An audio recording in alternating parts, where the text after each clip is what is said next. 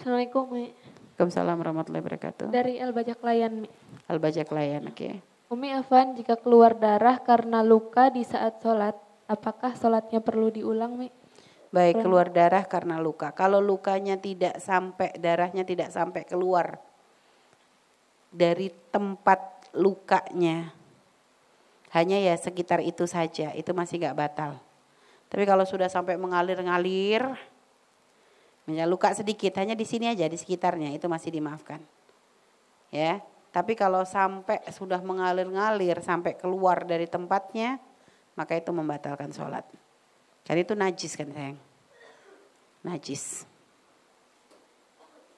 Jadi najis dimaaf ada najis yang dimaafkan di sholat, tidak dimaafkan di air. Ya, ada najis yang dimaafkan di air, tidak dimaafkan di sholat. Najis yang dimaafkan di sholat, tidak dimaafkan di air yang sedikit adalah darah. Darah selagi sedikit di sholat dimaafkan, tapi kalau banyak ya enggak. Tapi darah sedikit di air, sedikit tidak dimaafkan. Walaupun tidak merubah air sama sekali, setetes darah di air yang kurang dari dua kulah langsung menjadikan najis. Tapi ada yang tidak dima, dimaafkan di air, tapi tidak dima, eh, tidak eh, dimaafkan di air, tapi tidak dimaafkan di sholat. Yaitu binatang madamalah hasail. Binatang yang nggak punya aliran darah. Kalau ada binatang nyemplung ke air, ya Selagi tidak sampai membuat perubahan maka dimaafkan.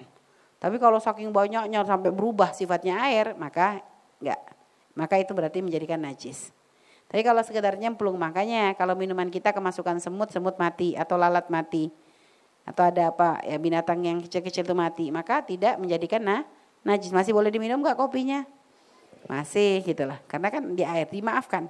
Tapi kalau binatang yang mada malah asal itu nempel di baju sholatmu, semut satu ekor kok nempel di mukenahmu, mayit, mayitnya semut, ya mayatnya semut, mayatnya mayat semut, bangkainya semut, bangkainya semut ya atau bangkai binatang kecil-kecil, bangkainya semut satu ekor aja, kok nempel di mukenahmu langsung batal. Kalau kamu nggak tepis cepat, kalau kamu tepis cepat nggak. Tapi ternyata waktu kamu tepis, ternyata keluar cairannya. Misalnya ada lalat kamu teplok gitu ya. Kamu apa jadi kok keluar jadi eh, akhirnya malah mungkin najisnya tuh kamu yang membuat. Nah, itu nanti membatalkan karena kayak ada mungkin ada nyamuk, ada darahnya gitu loh, Nak. Tiba-tiba dia mungkin nggak tahu dia nemplok ada ada nyamuk, ada darahnya nemplok di mukenahmu. Mungkin karena mukenahmu keseringan dicuci dia mabuk. Akhirnya dia mati di situ ya. Jadi gara-gara mukenahmu keseringan dicuci, dia mabuk.